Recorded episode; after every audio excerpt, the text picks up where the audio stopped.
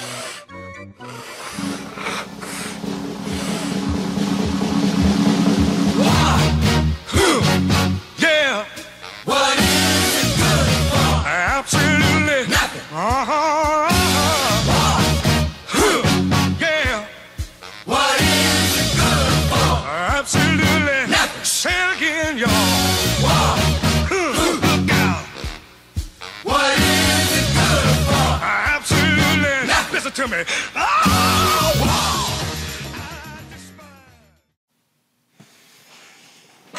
Ja, kära vänner. Det är dags. Det är Easter Friday på engelska tror jag det var. Mm. Långfredag. Man var lite fick man inte ens gå ut. Det var lite känsligt det där. Mm. Gå hem till folk på långfredag var att tänka på. Gamla traditioner. Mm. Kultur. Mm. Tänk om de kan använda kulturen i syfte att gynna sig själva mm, på alla andras bekostnad. Oj, inne, oj, inne, oj, inne. Mm. Ja, det händer saker. Det gör det. Verkligen. Mm. Vi eh, skriver den 7 april 2023. Fredag som sagt. Det är långfredag och det är dags för ett fredagsmys. Ja, det är speciellt. Det är speciellt. Mm. Det staplar sig liksom. Det tornar upp sig runt om oss i det här landet. Konstigt hur det kan vara. Varför är det så för egentligen? Är det någon som förstår det riktigt? Mm. Man undrar ju lite. Är det planerat? Mm. Den där planeringen, det är många som skyr den som pesten alltså. Den vill de inte veta av. Nej, det är något fel på det där liksom. Ja. Konstigt som fan egentligen. Mm. Ja, man undrar ju. Vad beror det på? Vore inte det bra det då? Om det fanns en koordinerad samverkande kraft som bekämpar den djupa staten. Problemet är kanske för svenskt vidkommande lite grann det att eh, vad blir det kvar då, då egentligen? Mm. Det kan man ju fråga sig. Alternativrörelsen, blir den kvar? Det verkar inte så, nej. Det verkar mycket där som är... Ja lite kantboll ut liksom. Eller? Mm. Eller stolpe ut kanske snarare. Ja, ja. Mm. Det är som det är. Det är som det är. Men ni ska ha det största av tack en sån här långfredag. Och det är eh, förbaskat trevligt att göra det här tillsammans med er måste jag säga. Och jag ska faktiskt höja Eh, vi kommer tillbaka till det här Harlan, Wolf där och, och dess kopplingar till Sundsvall där den här Titanic-utställningen var. Ja. Mm. Det är bra det där att man snokar lite på sånt. Det verkar suddat lite i böckerna tror jag. Mm. Ångpanneföreningen tänker jag. Mm. Ni gör en insats som eh, Mm. Världen kommer uppskatta den. Det är alldeles, alldeles säkert. Och ni ska ha det absolut allra jävla största av tack. För att ni gör det ni gör alltså. Absolut. Mm. Tack för gåvor på Swish och Patreon naturligtvis. Och tack för att ni fördjupar er på karlnorberg.se. Och tack för att ni hakat på Telegramtjänsten. Och så är det lite klagomål på Wonderpods där som för sitt lilla krig kan man väl säga. Ja. Som ställer frågor, impertinenta frågor nästan. Hur kommer det här sig egentligen? Är det här liksom ja, dålus? Uppsåt? Mm. Det skulle kunna betyda det här också. Ifall man gör så där. I den sekvensen, i den riktningen. Det kan betyda fler saker då. Det kan man inte bortse ifrån. Varför gör man så där och inte så här? Vore inte det enklare om man avser att uppnå den här effekten? Mm. Vad är huvudsak och bisak? Mm. Vilket kommer först? Ja, bisaken är beroende av huvudsaken så jag vet inte om svaret är svårt att finna. Nej, det är ju det. Men de framhärdar ändå gärna. Att man ska koncentrera sig på bisakerna. Mm. Det gör man ju. På många håll, på många håll. Ja. Och framförallt det där, varför har man inte sagt något tidigare? Vad har man inte sagt något tidigare för? Det är ju konstigt. Jag vet inte liksom hur, hur man har, har, tänkt sig att man ska framstå i en trovärdig dager Eh, när eh, så att säga, det kommer fram rätt mycket av vad som har varit. Mm. Undrar om AI kan räkna på sådär. Undrar om AI kan räkna på geofencing data, alltså Ja, geospatial data. Och då kan den räkna på det och se. nu har den varit kontakt där liksom och så har man en målsökning då på det här. Alltså, det är lite grann som målsökande statistik. Liksom. Syr man ihop det därefter. Det skulle datorn också kunna göra. Om, man, om det här är syftet då, det här alternativa syftet med, som vi tog upp nu. Om man stoppar det i datorn då kanske. Så om man ville nå det här då. Mm. Vilka grejer man skulle kunna få fram. Mm. Datorn klarar av att mäta många perspektiv alltså. Mm.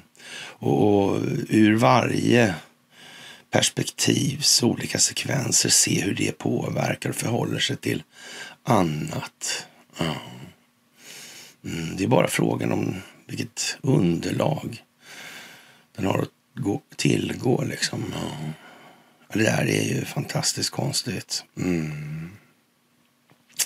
Och, och, det börjar ju se lite rassligt ut på sina håll. Och, och Sergej Lavrov tillkännagav att Ryska federationens fasta löfte ja, med livsmedelsexporten till länder i nöd inte kommer att påverkas utanför spannmålsfärens ram.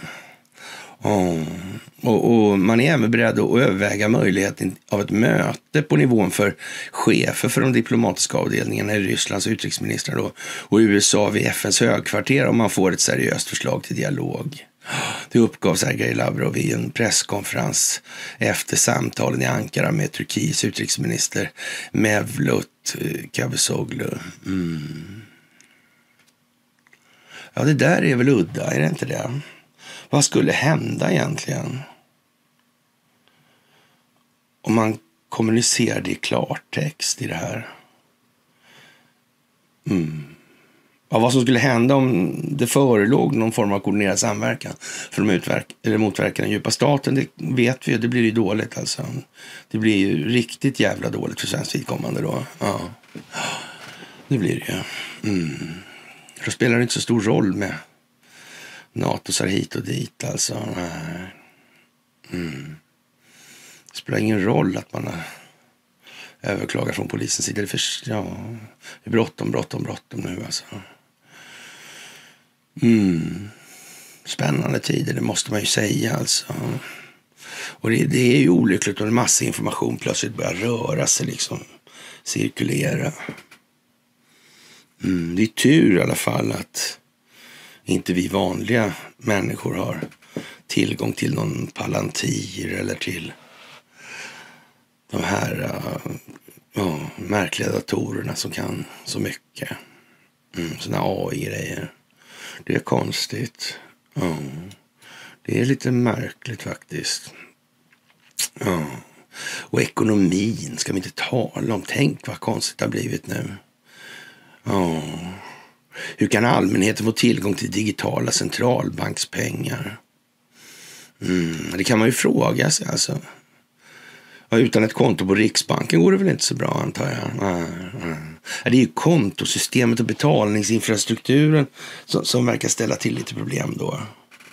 Ja, ett jävla tjat om de där pengarna tycker många. Det är liksom inte det centrala. kan ju vända på det och säga så här. Hur många människor i det här jävla landet är det som inte har ja, ett altare? Tv-apparaten kanske, men så. Mm, som inte tycker pengar är typ det viktigaste. Mm.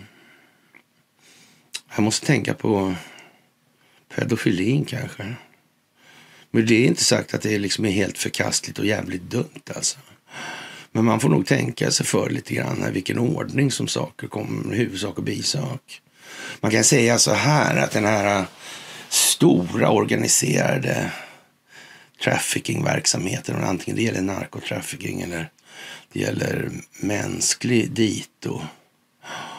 Det är nog svårt att göra utan pengar. Hade de inga pengar skulle det inte bli så lätt. Nej, de skulle köpa krita kanske. Det tror jag inte går så bra. Nej. Och sen då? Mm.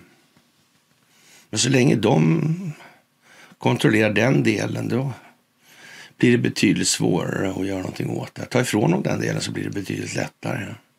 Mm. Samtidigt som man tar ifrån dem den styrspaken så kanske man ska adressera det här. Mm, man ska göra det nog lite parallellt. Men en sak är huvudsaken, en annan är bara bisak. Och den djupa staten är inte känd för att, så att säga, de fria marknadskrafterna ska råda. Nej, det här med, med öppen konkurrens och sådär under transparenta former och så. Ja, nej, det verkar inte vara grejen. Nej, verkar utan att synas verkar vara grejen. Mm. Verkar det vara det, ja. Det är konstigt. Just det också. Jag har ingen aning faktiskt. Mm. Jaha, och eh, Riksbankens e-krona Pilot släpper nu sin tredje rapport som går igenom hur en e-krona skulle kunna fungera som ett beslut om ett beslut tas i framtiden om att ge ut denna digitala centralbankspeng alltså.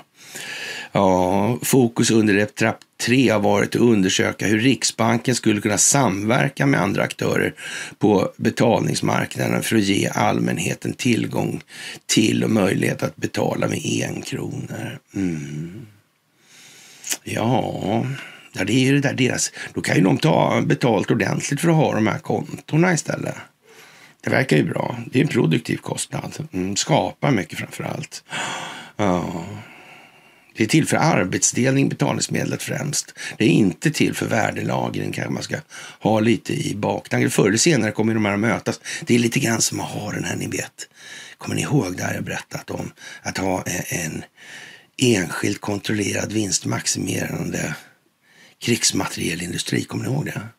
Mm, förr eller senare kommer vinstmaximeringsintresset att ställas emot det strategiskt och taktiskt operativa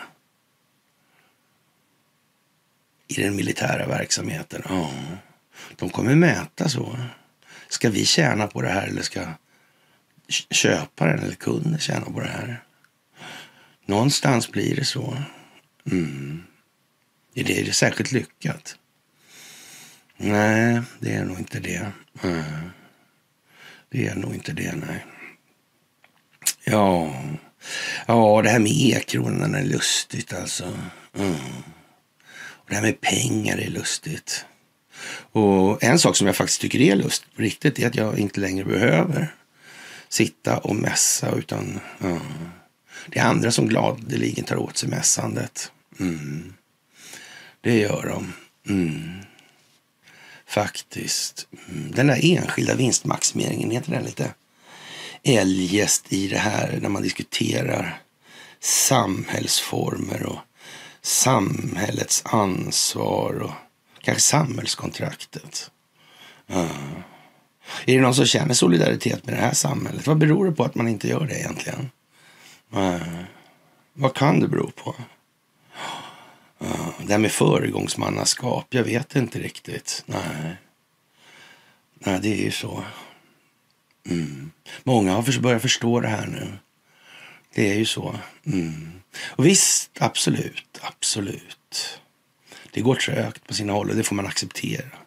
Det är klart att det är, det är lite omvälvande att konstatera att det inte var folk från rymden. Det var inga ödlor, det var inga frimurare. Alla de här grejerna, så att säga, det är ingen förutsättning för enskild vinstmaximering. Nej. Men enskild vinstmaximering är nästan före i, i kedjan. Här, det är liksom huvudsak och bisak. Alltså. Det verkar vara så att eh, någon har satt på liksom någon slags osynlighetsmantel eller en ring kanske som man blir osynlig av. Ja, kanske. Mm, kan vara så också. Mm. Det ena kommer före det andra. Ja, stora barnhandeln, underrättelsetjänsterna, de vill inte ha konkurrens. Det finns ju inte på en karta ens. Varför skulle de vilja det? Det är inte ens nära. Ja, tänk om eh, någon annan fotograferade samtidigt. Som underrättelsetjänsterna till exempel. Mm. Och sen börja pressa på pengar. Vad skulle underrättelsetjänsterna göra då tro? Mm. Ja, tänk om vederbörande visste att underrättelsetjänsterna dessutom gjorde det och, och började hålla på själv och, och pressa. Ja, då skulle de bara acceptera det och säga, ja, vi torskar här liksom. Mm. Kanske. Eller kanske inte. Ja, vilket det nu är. Ja. Mm. Ja, som sagt, det är en mycket speciell tid. En mer speciell tid än någon, som vi, någon tid vi har upplevt som människor. Mm. Som art. Mm. Tänk om jag hade sagt ras. Mm. ras, ja. Ja, det är ett ras. Som begrepp betraktat. Ja. Och eh, den här e-kronan har ju vissa poänger. Mm. Det har den. Varför har guld ett värde? Mm. Vad är ett värde för någonting? Mm. Vad, är, vad är värde för någonting? Varför bedömer vi att något har värde? Vad bygger det på? Mm. Realvärden, imaginära värden, finansiella värden. Vad innebär de här begreppen egentligen? Det är konstigt. Många kanske inte tänker på det här så. Varför kommer den här e-kronan nu helt plötsligt? Kontantnalle vill ju ha kontanter. Duger inte de? Mm. Vad är värdet i kontanter? Vad är det som backar upp det? Någonstans. hur vet man det? Ja, hur vet man det ens? Ja, jag vet faktiskt inte. Mm. Och det pågår ju en massa diskussioner i de här alternativa sammanhangen numera. Och, och ja, det är ju klart alltså att när man väljer i det här vad man adresserar i fråga om problemformulering alltså. Mm. Vad, är liksom modellen för det här? Ja. Vi har ju inte som i USA till exempel en konstitution att falla tillbaka på i den meningen. Nej, det har vi inte. De svenska grundlagarna är vad de är alltså. Mm. Det här med penningmonarki, det är definitivt vad det är. Tro ingenting annat alltså. Nej. Mm. Är det bättre eller sämre för befolkningen tro? Det verkar bli problem det här med mm, bostadslånen. Mm. det där taket, hyrestaket på, och den här hyreslagen. Konstigt. Det verkar precis som att man får en aning på något vis om att det är gjort för att ja, de här ah, bostadsrättshistorierna alltså. Är inte de lite skumma? Ja. Det verkar ju nästan vara en rent ja, imaginär grej. Mm. Om de här går i konkurs då, hur ska det då bli? Ja, lägenheten förstörs ju inte, det gör de ju inte. Nej, det gör de inte. Nej. nej. Mm. Men de kanske kan köpa ihop sig då och göra samma sak igen för att se om det blir bra. Alltså inte, nej. nej. Nej, då kan man ju säga att i så fall är ju den här hyreslagstiftningen var det, var det inte en danska som sa något om det alldeles just här förleden i veckan? Jo, jag tror det faktiskt. Var det också. Märkligt. Vi kanske kommer tillbaka till det idag. Mm. Det kanske vi gör, ja. Ja, övergivet av den amerikanska valutan dollar sker runt om i världen och mycket snabbare än någon hade kunnat förutse då, säger Fox News krönikör Ja, Tacke Karlsson med det anmärkningsvärda namnet. Där. Oliver Karlsson från Gotland hade arbetsnamnet Tacke Karlsson i Hollywood. Var inte Michael Flynn som sa att Hollywood var en stor del av problemet i det här. Opinionsbildningsmässigt hade det någon form av ganska så stark signifikans. Ja, det var så. Konstigt alltså. Mm. Och det här beror alltså på sanktionerna. Konstigt. Och ändå införde de sanktionerna. Det är ju märkligt. Mm. Nu är dollarn inte längre ett säkert värdeförråd. Nej, men man kan ju säga att det ska kanske inte vara något värdeförråd. Och om det ska främst syfta till att underlätta arbetsdelning. Mm. Man får väl lagra in och annat då. då. Ja. Men redan där så uppstår det kognitiv dissonans i svenskan. Tänk att ha ett bankkonto med mycket pengar på. Det är charm. Det är charm. Ja. Mm. Men lika fullt är det nödvändigt i det här systemet. Kanske det inte borde vara lika nödvändigt. Möjligen inte, nej. Precis. Ja. Ja, under de närmsta månaderna kommer vi att se många negativa konsekvenser förknippade med anklagelserna som riktades igår på Manhattan mot det republikanska partiets ledare. Mm. Det här är, ja, det är nästan 80 år sedan andra världskriget tog slut nu och ja, eh, det vill säga, ja, det är hela våra liv och så. Den amerikanska dollarn har spelat rollen som världsvaluta efter Bretton Woods det här alltså. Det här var ju i samband med krigsslutet och Nürnbergrättegångarna och de här grejerna. Och Bosch-affären pågick ju i det här. Ja, just det. Mm, och det här Stella Polar-spektaklet var i, i, i tiderna för det här också. Det var också konstigt, var det inte det? Mm. Ja, jävla märkligt alltså. Man vet inte riktigt om det hänger ihop alltså. Det gör ju inte det. Det där med att Titanic-utställningen var i Sundsvall och Harlan Wolf hade ett bolag i ihop, vi kommer tillbaka till det, ihop med någon, kanske han haft Ångpanneföreningen och inblandad i det där, jag vet inte. Ja, och, och som sagt eh, Andrew Jackson där som hängde över Donald Trump. Ja. Gjorde han det utan anledning tror jag. Jag vet inte. I killed the bank, lär han ha sagt någon gång. Eller skrev på gravstenen kanske till och med. Mm. Det där var ju väldigt speciellt alltså. Men nu verkar det slut med det här alltså. Med dollarn. Ja. Det var en sång tror jag vi reciterade lite ur. I myset i onsdags. Var det inte det? Guldregn över stan tror jag va? Ja. När skuldbasen liksom som principvärde, alltså principalvärde. Mm. Mm, principiellt eller principalt värde, huvudsakligt värde. Mm. Skuld, enskilt, kontrollerad och räntebelastad dessutom. Det är fina fisken. Ja. ja. Det skulle inte vara slut på sillen till påsken också. Äggen brann ju upp, det var ju synd. Mm. Och så fick de, ja, Fick de mjäll också, eller var det borrelia eller vad de fick? Då? Salmonella kanske? Mm. Men folket. Men folket. Mm, vi hade i alla fall tur med vädret. Ja, ja det här är speciellt alltså. Och det är klart att det blir ett visst överutbud på dollarvaluta på världsmarknaden då alltså. Valutamarknaden. Mm. FX. Det är en stor marknad, en liten marknad.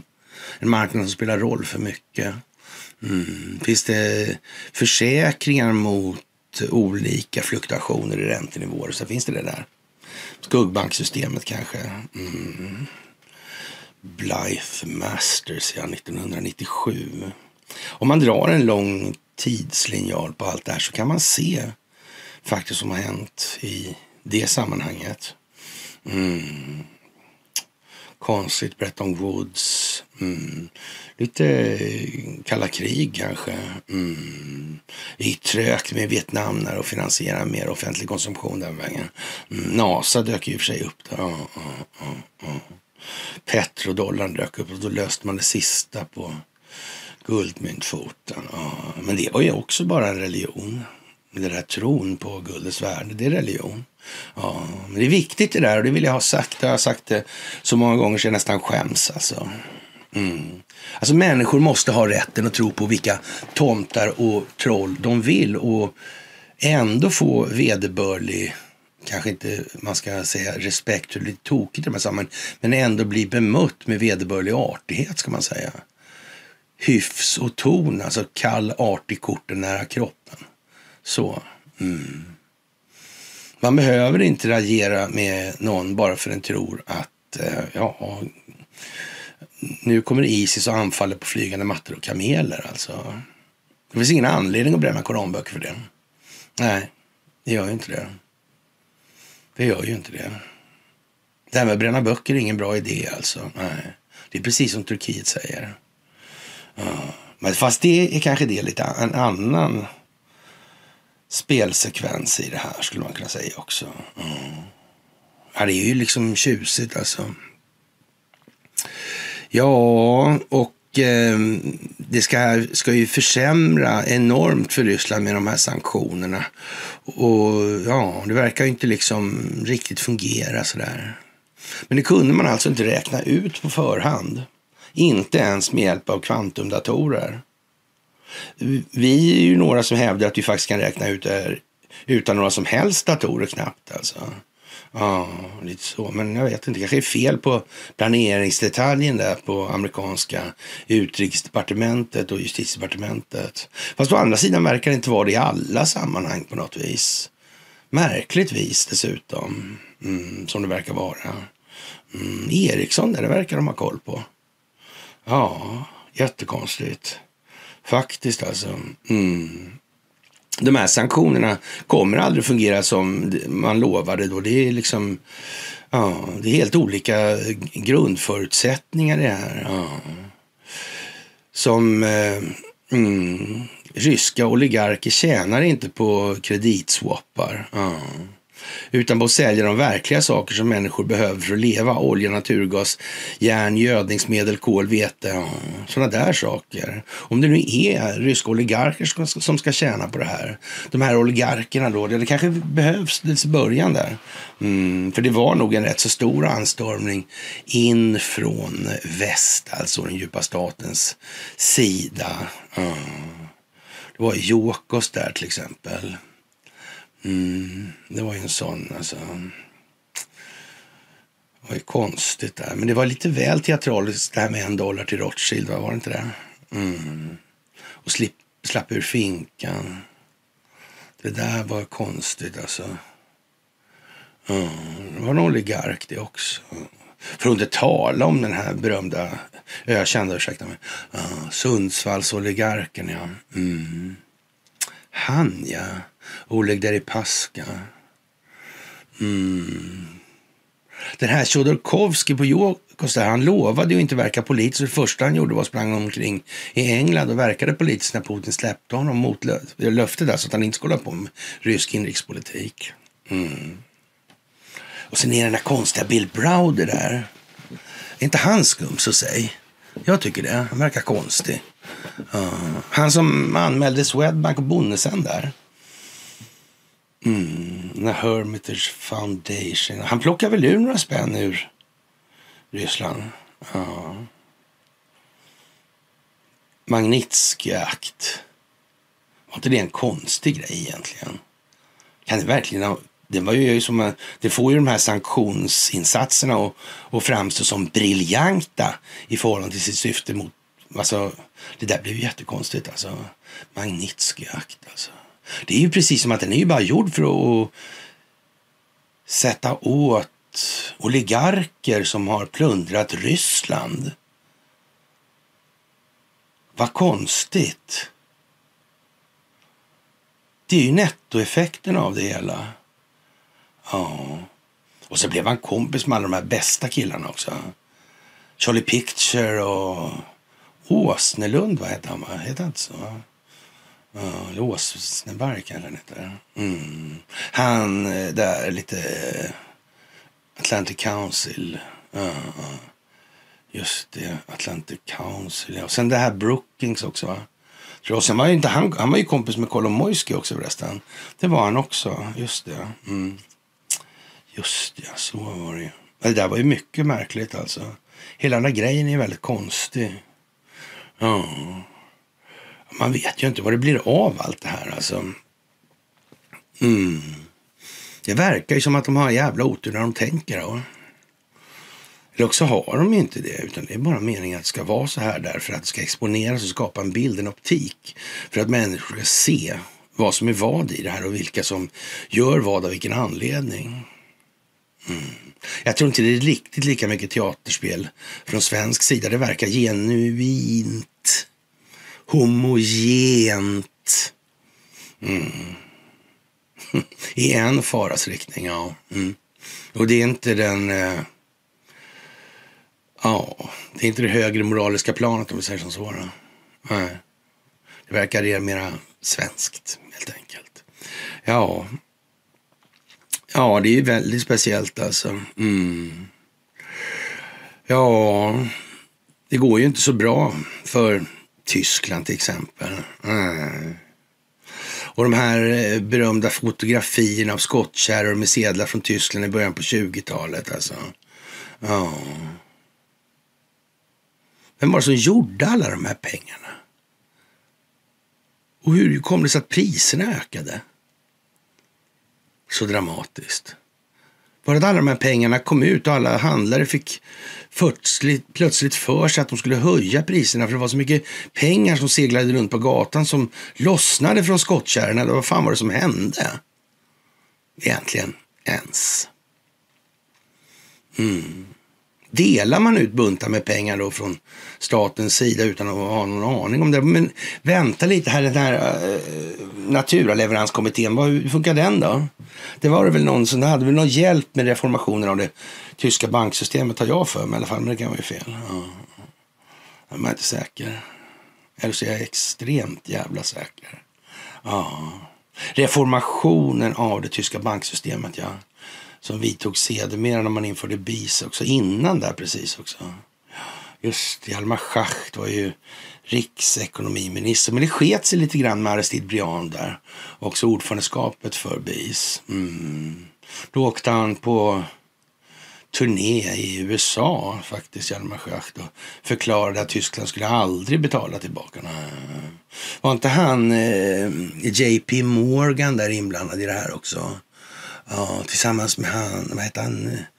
Mitchell tror jag. jag tror han hette Citibank var han för. Var inte han som sa nej då till någon Kryger-krediter tror jag? Det kanske var det. Man. Morganintressena verkade inte sådär jätteroade av mm, Kryger. Nej. Det var mera Morganintressena verkade vara mer intresserade av båtförsäkringar faktiskt. Mm, det verkar de vara intresserade av. Mm. Ja, båtförsäkringar på båtar som har fyrbladiga mm, propeller. Centrumpropeller noga räknat tror jag det var faktiskt. Ja. ja. Den bronspropellrarna var tunga de där tror jag. Lite starka kanske, jag vet inte, men det kan vara fel där också. Ja, kanske måste klara ett isflak eller två. Man vet ju inte. Sådär. Ja. Speciellt tycker jag nog. Mm. Och eh, i mars i år då så var det eh, så konstigt alltså att Metas eh, ja, senaste stora språkmodell läckte ut och, och är tillgänglig för nedladdning. Alltså. Ja. Trots att man har försökt förhindra det här. Och, mm, vad skulle hända egentligen om, om det här eh, ja, användes då ta in data och ja, det blir liksom någon form av allmänt AI kanske rent utav. Hur skulle det vara svårt att lösa till exempel Estonia-frågan. Man vet ju, några saker vet man ju som inte är så mycket att diskutera om. Man vet till exempel att eh, eh ledningen för polisspåret i stora delar var med på den här båten. Man vet att eh, en gök som hette Hisham var med på den här båten och blev påklistrad en legend om något, eh, ja, Mossad engagemang där när det i själva verket handlade om narkotikahantering och Handens tingsrätt och Handen polisstation och 3500 försvunna anmälningar. Det fanns en skock med sådana där grejer. Så var det ju den här problemet med de här bilarna från Ericsson igen. Ja. Just det, de där ja. Mm. Var det någon kommunikationsutrustning som smugglades där och tro? Eh, visserligen har man ju sagt att det var det, men det låg ju inte i utredningsuppdraget som Hirschfeldt fick. Det kommer vi ju ihåg där. Ja. Bussigt har man att svara när Martin ringer. Det tycker jag, så har jag sagt till Martin också, jag tycker det var snällt. Faktiskt. Ja. Mm. Och, och ja, förtydliga att det var snävt, utredningsuppdraget. Mm.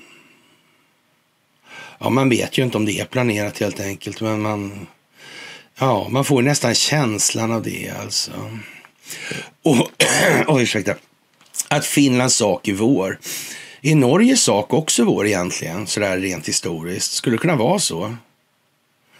Ja, det vet ju inte jag naturligtvis, men, men, men man kan misstänka att det har funnits några, några influenser, i alla fall det här med Norsk Hydro, Nobelstiftelsen, det här fredspriset och så vidare. Ja, det skulle kunna vara så alltså. Mm. Birkeland där, som var med och startade Norsk Hydro tillsammans med Wallenberg och den här Eide då. Mm. Han som var eh, klar med sina handlingar där 1907 och åkte ner till Japan, eller sex kanske till och med. Mm. Just det, sen kom han ju aldrig hem. Nej, så försvann ju de här dokumenten på vägen. Mm. Mm. Nästa gång man hörde talas om det gällde atombomber. Ja. Och gånger efter det så gällde det ja, SS. Nej, det kan hon inte heta. Nej. Mm. Men Savanna hette hon i alla fall. Men de bjöd ju in då svenska forskare när de skulle bygga den där båten. Mm. Och nu de här, tänk de här små modulära reaktorer. Ja, hur stor var egentligen den där reaktorn på Savanna? Det var 1955 vill jag minnas. Mm. Då hade man små reaktorer som kunde framställa massor med energi. Ja, och en ubåt. Hur stora var de då på den tiden? Var de sådär som tajfunubåtar kanske och aldrig bara reaktor i alltihopa kanske? Eller? Kanske inte det, nej. nej. Och effekten är liten alltså. Ja, tankar på 50 år till och med också. Ja, ja. Mm. Och inga förbättringar på verkningsgrad och sådär sen dess eller? Nej, nej, nej. Mm. Och de där behöver man ju inte upparbeta, de kan man lägga och rosta i Murmansk utan att det händer någonting verkar det som. För det gjorde de ju. Ja. Och tittar man på filmerna när man eh, monterar ner en sån här tafonbåt, alltså. Ja, jag vet inte. Men det verkar inte lika rigoröst som svensk asbestsanering i alla fall. Det verkar det inte vara. Nej, nej. Men det hade ju förmodligen dött en miljon människor. Eh, Sådana saneringsarbetare där, men det kanske inte någon har talat om bara. Ja. Ja, fanns ingen nyhetsvärde i det. Ja. Det rimmar ju inte med, med Vladimir Putins imperiedrömmar helt enkelt. Det är ju det som är prylen alltså. Och eh, ja, eh, ja Cornelia hon, hon eh, är så att säga en, en eh, riktig, ja vad ska jag säga egentligen alltså. Eh, ja, hon, eller she stands her ground helt enkelt. Mm. Så är det. Ja, det är ju fantastiskt alltså, det måste jag säga. Det är så bra så det är inte klokt. Och, och det är klart att man, man, man, eh, kan ju kritisera den norska alternativrörelsen och det eh, gör man väl kanske med, med viss rätta i det här också. För det är naturligtvis likadant där som här. Det är liksom ingen skillnad. Jag är ju liksom tämligen säker på att de här maktstrukturerna bakom i Norge som är exakt de samma som i Sverige Och även i Danmark och Finland naturligtvis. Mm. Det är liksom... De har många armar. Faktiskt. Mm. Och att ge sig på det här utan att så att säga ta hänsyn till om man tar du en arm, då har en tre kvar eller sju kvar kanske. Vad vet jag liksom. Mm. Jag får nog se till och, och är det så att det, man lyckas ta allihop, alla åtta på en då. Så då har du kvar de andra runt om då.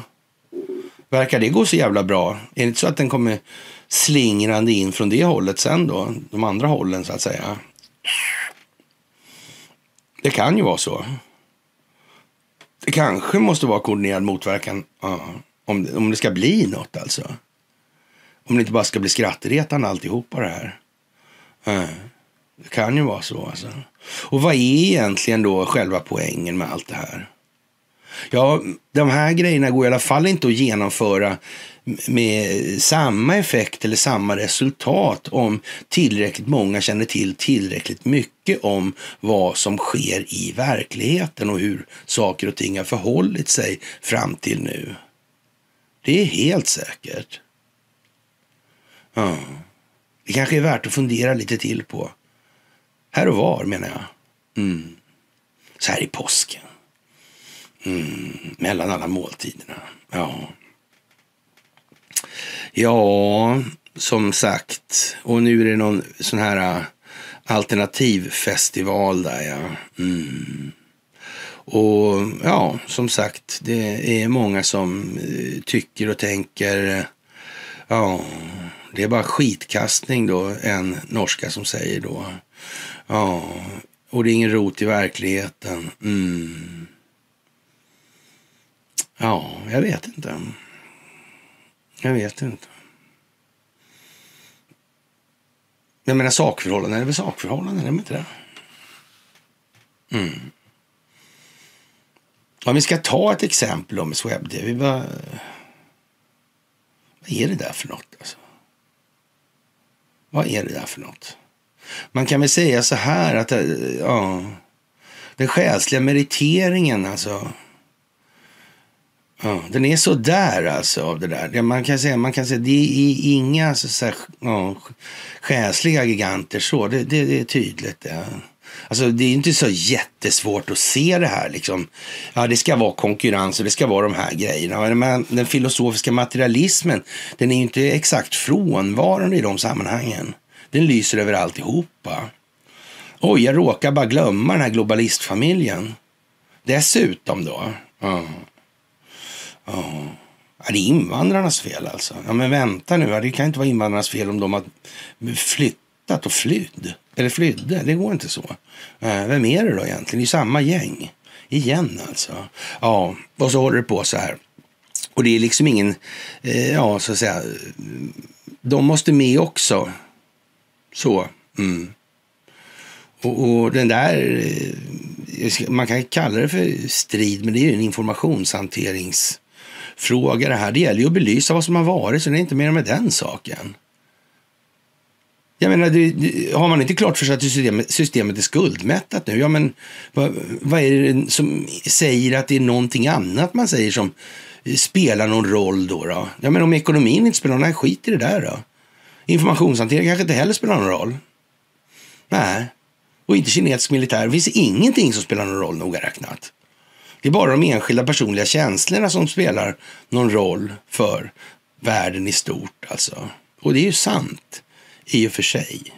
Mm. Men inte riktigt på det sättet som kommer att verka avgörande. Nej. Det handlar om att tillräckligt många ska förstå tillräckligt mycket för att förstå att vad som har varit har varit helt åt helvete fel ur varje möjligt upptänkligt alltså moraliskt perspektiv. Ja, det är vad det här handlar om. Ja, fantastiskt. Och eh, mm, det här med den här åklagaren då, Bragg alltså. Jag vet inte. Det är skryt där. Det är ett konstigt namn på en åklagare. Mm. Som sagt, och, och, Donald Trump han hade väl gjort vissa mått och steg i de här sammanhangen. Och ställt familjen utanför i det här. Va? Och dessutom visar det sig då att det är Michael Cohen som har betalat för sitt privata konto. Samtidigt då som, som alltså Donald Trump har, har ställt sig när det gäller sina egna bolag då. Har ställt sig då utanför bolaget och överlåtit det på sönerna. De två äldsta alltså. Mm. Men alltså ser inte det nästan lite riggat ut i det här? Men sen är det som vi har sagt, det eh, vill nog fan till att man kör den här, genom den här processen ändå alltså. Mm.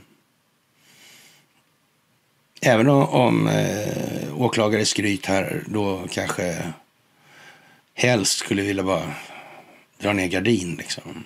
Mm. Ja, vi får se. Mm. Det blir mycket intressant alltså. Ja. Och det är klart att de flesta, även republikaner i Rhino-sammanhang då alltså. Mm som understöder de här grejerna. Mm. De vet ju. De vet ju. Mm. Ja, ja. Och skulle verkligen djupa staten vara så jävla dum så att man valde att inte försöka kontrollera båda sidor av en konflikt. Eller början då säga så här, här ska söndring. Ja, det vet vi är eh, ett modus operandi som är ett det är standardförfarande alltså. Okay. Mm. Men man skulle skita i det här i oppositionen då. Det skulle man inte göra. Man skulle inte bry sig om det. Nej. Ja, det kan ju vara så. Det, det ska inte jag sitta och säga att det inte är. Men, mm, eller att det är. Utan det får man ju bedöma själv alltså. Ja. Mm. Ja, det här åtalet är ju lite lustigt. Men det är nog rätt så hårt eh, stacklat för att ska komma hit alltså. Ja, och det måste man ha för att kunna driva det här vidare sen processmässigt. Vi har ju lite annan situation i Sverige med det eh, infamösa, ska vi väl snarare säga, lite ökända svenska rättssystemet och eh, Stockholmsbyråkratin alltså. Mm. Men polisen har i alla fall överklagat nu och vem vet om inte riksåklagaren kan lyfta lite där i den ändan. Mm. Ja, ja, ja. Mm. Man slipper åtminstone en rättsinstans den vägen då. Mm. Det kanske kan vara av intresse för samhället. Exempelvis, jag vet inte, men mm, det skulle kunna vara så. Ja. Mm. Ja, det är speciellt alltså nu. Och det här med Hollywood. Mm. Filmstjärnor alltså. Mm. Karl Gerhard höll på en del med det där. Mm. Han tyckte det var konstigt alltså. Men om det var så att säga uppsåtligt skapad så ja, då var det som det var. Mm. Faktiskt alltså. Leonardo DiCaprio han spelade på, i en film om en båt, va? Gjorde han inte det? Mm. Titaniken eller så där heter den, va? Eller Titanicern, eller vad det nu var. Alltså. Eller Olympikern kanske. Mm. Ja, det snurrar i huvudet som en propeller när man tänker på den där. Fyrbladig kanske. Mm. Eller var den trebladig? Mm, jag vet inte riktigt. Men knack, var, var verkligen hjärtstocken knäckt alltså? Ja, och de bara svängde ihop det där på fyra veckor också. Alltså annars kan man ju få intrycket att man måste typ, eh, jag vet inte, men typ eh, riva hela båten nästan sådär. Ja. Men den var ju ganska lång den där, den var väl en eh, 76 meter lång tror jag. Eller så. Så det gick ju ganska fort för den var inte så stor. Och sen riktade man, man kanske hade någon ja, sån här limknäckt eller något och, lite klossar. Så, så rätar man upp den där kölstocken. Ja. Ja, jag vet inte. Ja, där. Hon tappar ju en, tappar ju en snurra också där. Mm. Det är lite speciellt. Det visar sig i alla fall att det här eh, gänget i Hollywood håller på med konstig finansiering av politiska kandidater i Mm. USA, ja. Mm. Det verkar märkligt allt det här, hur det här, det här saker och ting finansieras. Det verkar finnas massa liksom bluff, eh, ja, personer. Antingen det är juridiska personer eller fysiska personer. Det verkar på både ja, juridiker och fysiker. Det verkar på något vis inte riktigt... Jag undrar hur det är det där med skattemyndigheten om de har legat, varit med i det här. Mm. Det skulle ju i så fall naturligtvis underrättelsetjänsten ha upptäckt. Ja, och sett att skattemyndigheten höll på att fiffla med sådana där grejer. Mm. Tur att inte underrättelsetjänsterna går att korrumpera och håller på med sånt som de inte borde hålla på med. Nej. Den enda gången det har hänt det var IB-affären som de visserligen som de åkte fast men sen har det inte hänt någon mer gång. Ingen gång faktiskt. Nej. Eh, de här avlyssningarna med, med kryptograf och århundradets underrättelsetjänstkupp, det var liksom ingen, det var ingen dålig grej, det var en bra grej egentligen. Sådär, men, ja. Det är moraliska giganter här vi pratar om. Mm, de banar väg för utvecklingen helt enkelt. Det kanske är därför vi sitter där vi gör. Kan det, kan det vara så? Ja, man kan nästan misstänka det tycker jag. Ja. Och det här är märkligt alltså när man hänger ut folk som har finansierat Barack Obama. Mm. Det är mycket konstiga grejer med Obama där. Mm. Det känns som att han minst är stacklad. Mm. Minst är stacklad. Det där är mycket speciellt. Mm. Och ja, Snäsanna hon är arg som alltid. Och eh, hon eh, skickade, eller gjorde ett inlägg om att Nato önskar Serbien en glad påsk 99 med ett meddelande på bomberna. Ja. Mm. Ja, det, det, det, alltså, den opinionsbildningsmässiga effekten är väl inte att ta miste på. Det är inte skitmånga tror jag. Jo, kanske en och annan alban då, men jag vet inte. Eh, som tycker att det där är roligt och glatt. Och som det. Alla andra tycker nog att bomber överhuvudtaget är ju liksom ur ett samhällsbyggnadsperspektiv kanske inte den mest framgångsrika vägen. Alltså nej, nej, det är ju inte det alltså. Ja, kampen där, kampen är det viktiga. Jag försökte en gång för länge sedan då. Det är ja, typ 20 år sedan. Sådär. jag tyckte det skulle vara öppna identiteter på internet. Mm, inte dolda. Det tyckte en del andra att det skulle vara då. Ja, just det. Mm. Ja, det var konstigt det här alltså. Opinionsbildningen. Det var mycket lättare att se på den. Det var helt uppenbart på den tiden alltså. För, för, förutom att de dessutom ja, uttrycktes närmast öppet om vad de höll på med också på den tiden. Då var det ju massa sådana här som hon, tant Sommestad, där, Lena Sommestad. Det var ju massa sådana här, eh, ja, för, alltså företrädande figurer alltså, som var med i diskussionen. Det var lite annorlunda, det kom de på sig när det var inte så jävla lyckat liksom. Eh, det var torsk rakt igenom helt enkelt. Och den här historien med, med Jugoslavien där. Mm. Historien med Lundin, historien med Carl Bildt. Vilken roll spelade egentligen den här Bosse Rybeck i allt det här? Vad var det för figur egentligen? Varför hamnade han i bolag som fick utvinningskoncessioner? Vad berodde det där på? Varför fanns han i Mineralinvest till exempel? Ja, Mineralinvest ja. ja. Där var det något chatter om eh, att de här finansieringsgrejerna kom från knarkpengar. Var inte det han den här uh, uh, thaiboxaren från Vallentuna? Han var från Skåne i botten här för mig. Ja, just det. Så var det ja. Mm. Han med 65 fot segelbåten. Uh.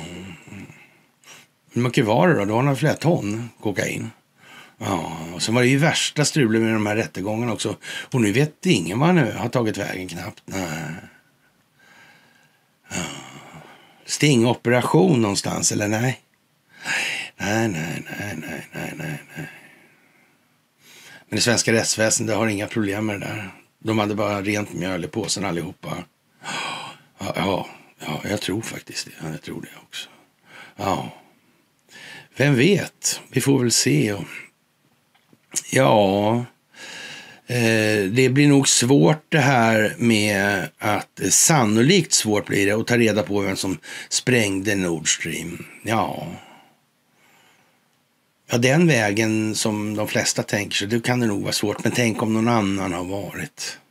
Tänk om ryssarna har varit så förutseende som de hade blivit glada enligt tjänstereglementet för marinen från 1948. tror vad det är, alltså. När man, när man då föranstaltar, när man gläds och det är när man har varit förutseende nog att fästa bojrep i ankaret när ankarkättingen brister. Mm. Lite så, va? Tänk om de har egen bevakning på det här. Mm. Tänk om själva rören är försedda med den utrustningen till och med. Ja. Det är en ganska dyr grej sådär. Så man kan ju tänka sig att det måste finnas ett visst intresse av sådär. Men jag, jag är inte säker på det. Sådär, sådär. Det kan ju vara både det ena och det andra. Liksom. Mm. Och speciellt om det är, ja, det kan ju vara vad som helst. Det, men man kan säga så här att när den händelsen sker i det utvecklingsförlopp det sker, kontextuellt sett alltså, mm, till omvärldsutvecklingen. Ja, då har ryssarna haft en jävla otur när de tänker alltså. Mm. Eller också är det inte så. Eller också är det inte så. Och vi kan säga så här att i ljuset av hur rapporteringen från konflikten i Ukraina gestaltar sig så behöver man inte vara så våldsamt osäker längre.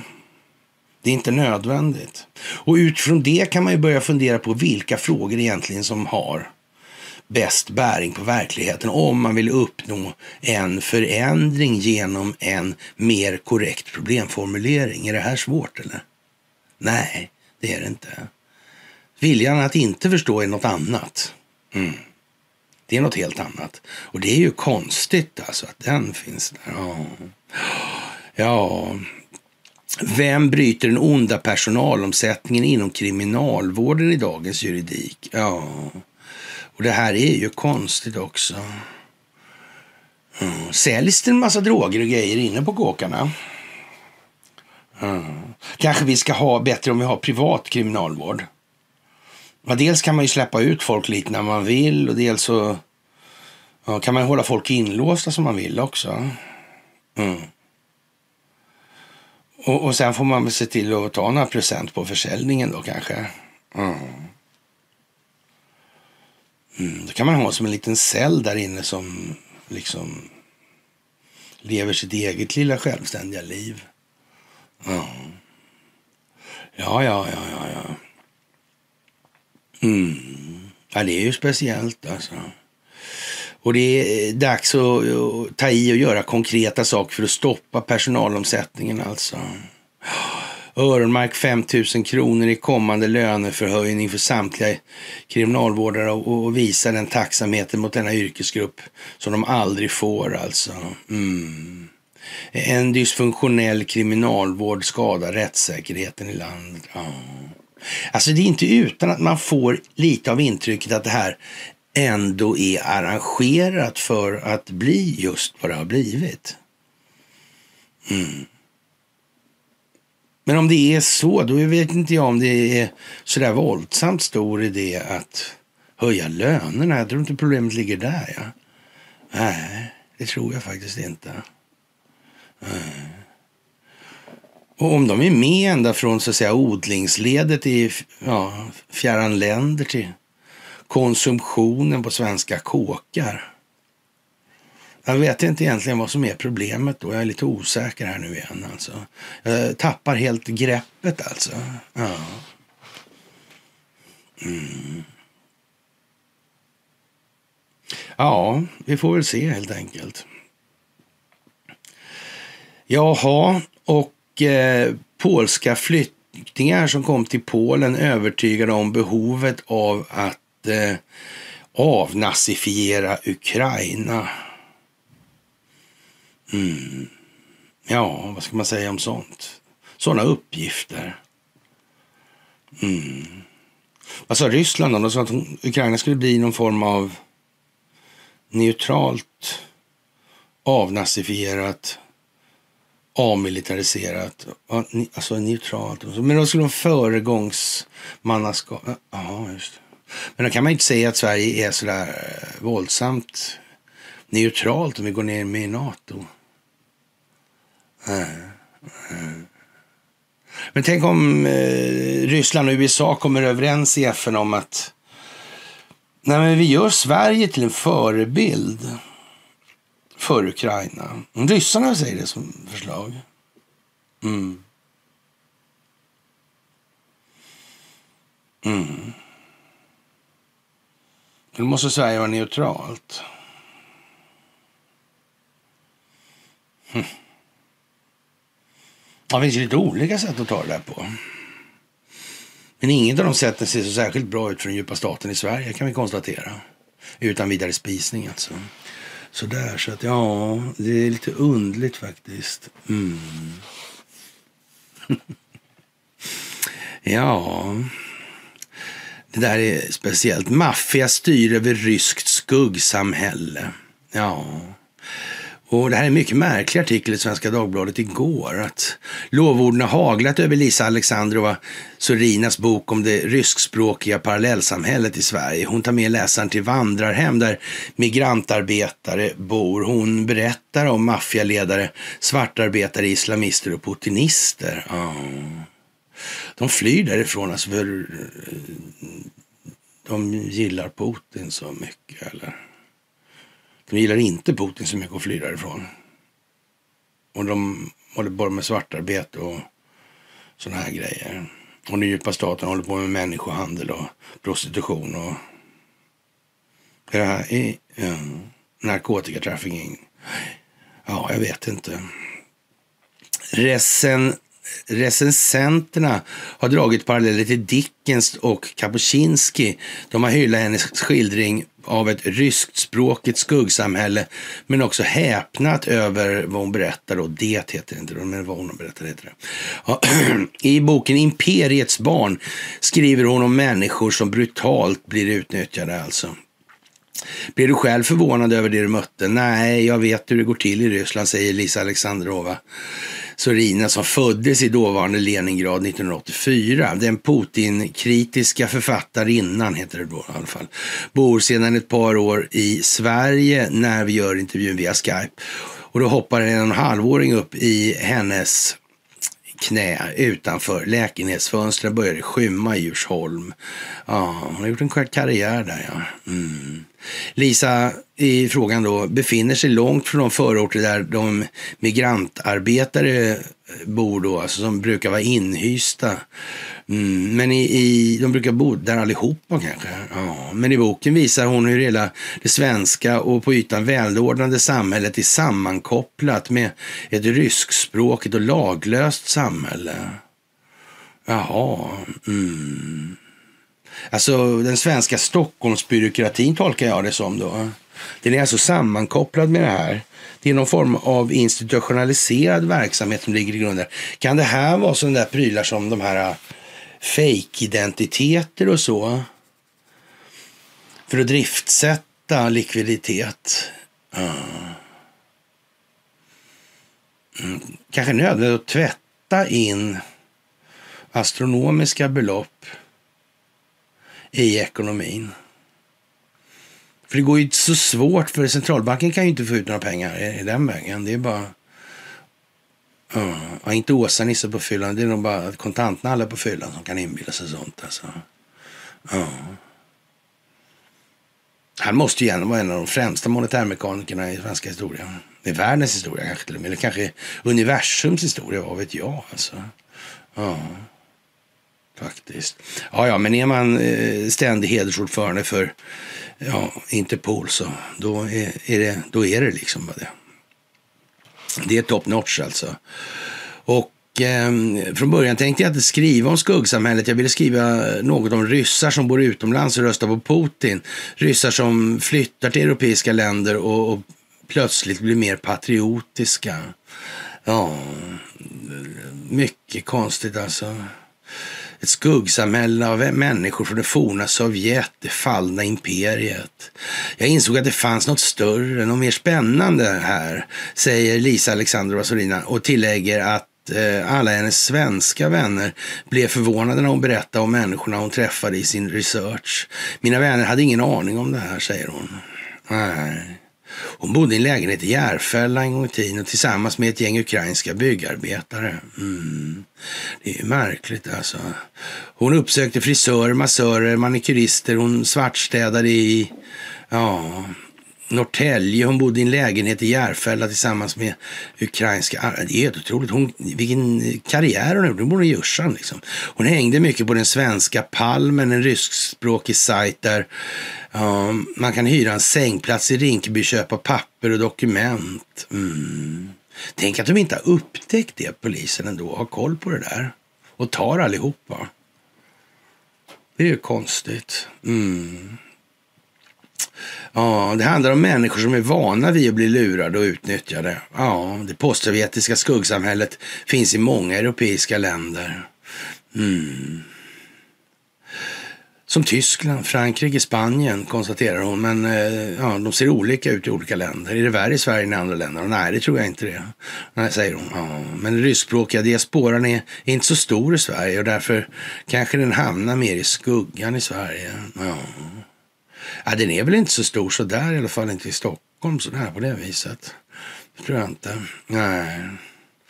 Är vi mer naiva inför det här i, i, Sverige än i andra länder? Det vet jag inte, säger hon. Men i andra länder där finns det mycket större postsovjetiska skuggsamhällen och där är människorna kanske mer medvetna om det här. Då, då. Ja, det kan man ju tänka sig. Alltså. Mm. När hon bodde i Ryssland så skrev hon några artiklar om hur migrantarbetare, bland annat från Uzbekistan och Tadzjikistan utnyttjades där. Alltså, de bor ofta på fabrikerna. De arbetar på eller i källare eller i tidigare skyddsrum och tillägger att migrantarbetarna eh, ja, jämförelsevis kan få ett bättre liv i Sverige. Ja. Det där är ju konstigt. För svenska läsare kan det här ja, postsovjetiska skuggsamhället vara chockerande. Alltså. Ja, kvinnor tvingas till sex för att få ut sin lön. Ja, fattiga hamnar i händerna på kriminella nätverk. I boken finns utslitna människor, fixare, skrupelfria advokater och gangsters. Det måste vara ryska advokater i så fall, va? Ja. Inga svenska. Nej, nej. Den sortens maffia som hjälper människor att få ut sin lön eller som hjälper arbetsgivare att lura arbetare har vi inte bara i Ryssland. I Ryssland är det istället ofta myndigheterna som lurar människorna. Det är det inte i Sverige alltså. Ska vi tolka det så? Ja. I Ryssland var Lisa Alexandrova Sorina framförallt verksam som skönlitterär författare. Nu har hon skrivit en fackbok där hon har dragit fram ett smutsigt svenskt, ja, ljus, höll jag på att säga, men ljuset i verkligheten är så. Ja. Byggbranschen använder ofta mycket papperslösa och tjänar pengar på den svarta arbetskraften. Ja, det är ju konstigt faktiskt. Mm. Är det något särskilt du tycker borde diskuteras eller förändras? Ja, det finns mycket, men eh, eh, det vore bra med en diskussion om byggbranschen och dess strukturer. Byggbranschen använder mycket papperslösa och tjänar pengar på den svarta arbetskraften. Det är till och med gjort filmer om det, alltså sådana här Beck-filmer eller vad det är, vad det heter. Mm. Det är märkligt alltså. Ja. Ja. Jag vet inte. Det är, ja, det här med invasionen då, eh, som sagt, är ju lite konstigt. Alltså varför ryssar kan bli mer Putinvänliga när de flyttar utomlands. Ja, jag tror det har det svårt att hitta hitta sin plats i det nya samhället. Därför börjar de, börjar de bara titta på ryska tv-kanaler, säger hon. Och, ja, och tillägger att patriotismen kan fungera som en form av tröst. Ja, eller också kanske de tycker att det börjar bli bättre i Ryssland. Man vet ju inte. Mm. Ja. Är, är människor i det ryska parallellsamhället mer eller mindre lojala mot Putin efter invasionen? Mm, jag skulle säga att ingenting förändras i invasionen. De som varit putinister är fortfarande putinister. De tror på propagandan och de upprepar all fake news. Mm. Det där är liksom, det är lite malmklang i det där. Mm. Alla kan se, det här är ju bara att vända på. Håller Sverige på med den här typen av verksamhet och hantering som hon beskriver att Ryssland håller på med? Ja, uppenbarligen så gör vi det. Mm. Instruktörer, tänk att Instruktörer, ja. Mm. Till legoknäktar i främmande länder, inte har väl vi gjort det? Mm. Vi kallar det ju för det, men inte... Ja, jävla konstigt alltså. Mm. Ja, som sagt, eh, det är lite svängigt helt enkelt. Wagnerbefäl som flydde till Norge gripen i Sverige. Han, skulle åka och köpa cigaretter helt enkelt. Och Säpo, ja, var han inte på hugget då heller. Nej. Nej. Det blev bara så här alltså. Lite oflyt för honom kanske, eller, eller flyt, jag vet ju inte riktigt i det här. Wagnerbefäl, inte en gammal legoknäck det här alltså. Ja. Har Sverige hållit på sådär? Mm. Kanske man kommer eh, kräva rättsliga påföljder då. För Vladimir Putin för han har elaka ögon och för Lavrov för han eh, inte skrattar eller vad som helst. Ja. Kan ju vara så. Det vet vi ju inte. Vi vet ju inte det alltså. Och ja, man, man får nästan eh, känslan av att det glider över lite mer här nu i, i nedförsluttningen alltså. Det blir brantare lutning nu.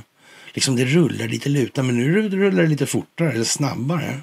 Inte det fortaste utan snabbare tror jag. Ja, ja konstigt alltså. Och den här eh, Alvin Skryt då i USA som har åtalat Donald Trump alltså. Oh. Han tycker inte att eh, oh. Jim Jordan är någon höjdare helt enkelt. Nej. Den där situationen i USA, det blir bara värre. Värre och värre och värre. Jag har ett troll alltså. Han, Eh, ja, gör liksom, man gör alltid diametrala bedömningar i förhållande till vad jag gör. Och sen får man backa då. Sen, ja, det vart inte riktigt sådär. Nej, nej det vart inte det. Nej. Eh, jag svarar i och för sig inte, men alltså. Mm. Men lite skojigt är det i alla fall. Han följer alla mys och såna grejer. Eller den följer alla mys ska vi säga. Detet liksom. Mm. Naturligtvis är det en ja, anonym identitet så vanligt. En riktig hjälte alltså. Ja. Mm. Hemliga ukrainska krigsplaner läckta.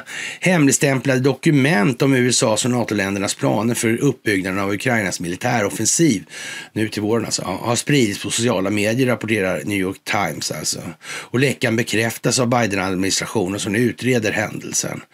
Och dokumenten publiceras både på Telegram och på Twitter och ska bland annat innehålla uppgifter om hur mycket ammunition som gått åt till artillerisystemet HIMARS. Information som inte är offentlig. Offentlig.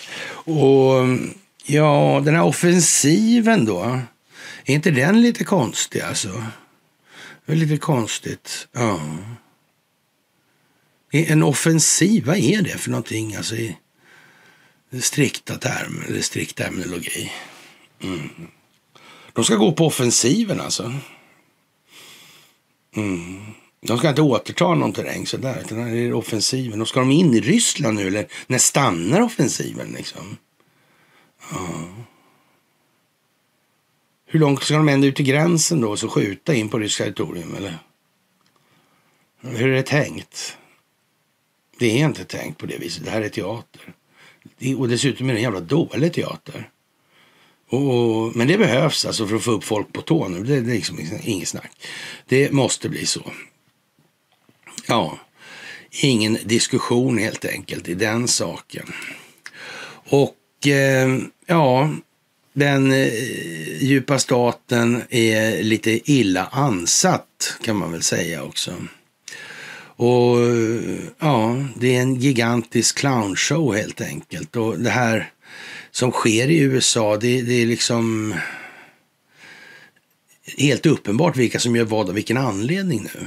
Och sätter du till historiskt perspektiv så ser man att då gjorde de så här, då gjorde de så här och så är det samma gäng och så är det samma strukturer, samma bakomliggande ja, organisationer. Mm. Ja, det här alltså, det håller inte vatten särskilt länge till. Det ser det inte ut som alltså. Men det kan vi säga också. Det håller vatten exakt så länge det behöver för att befolkningen ska bli tillräckligt medvetet medveten. Mm. Upplyst till vidare ledning och upplysning. Mm.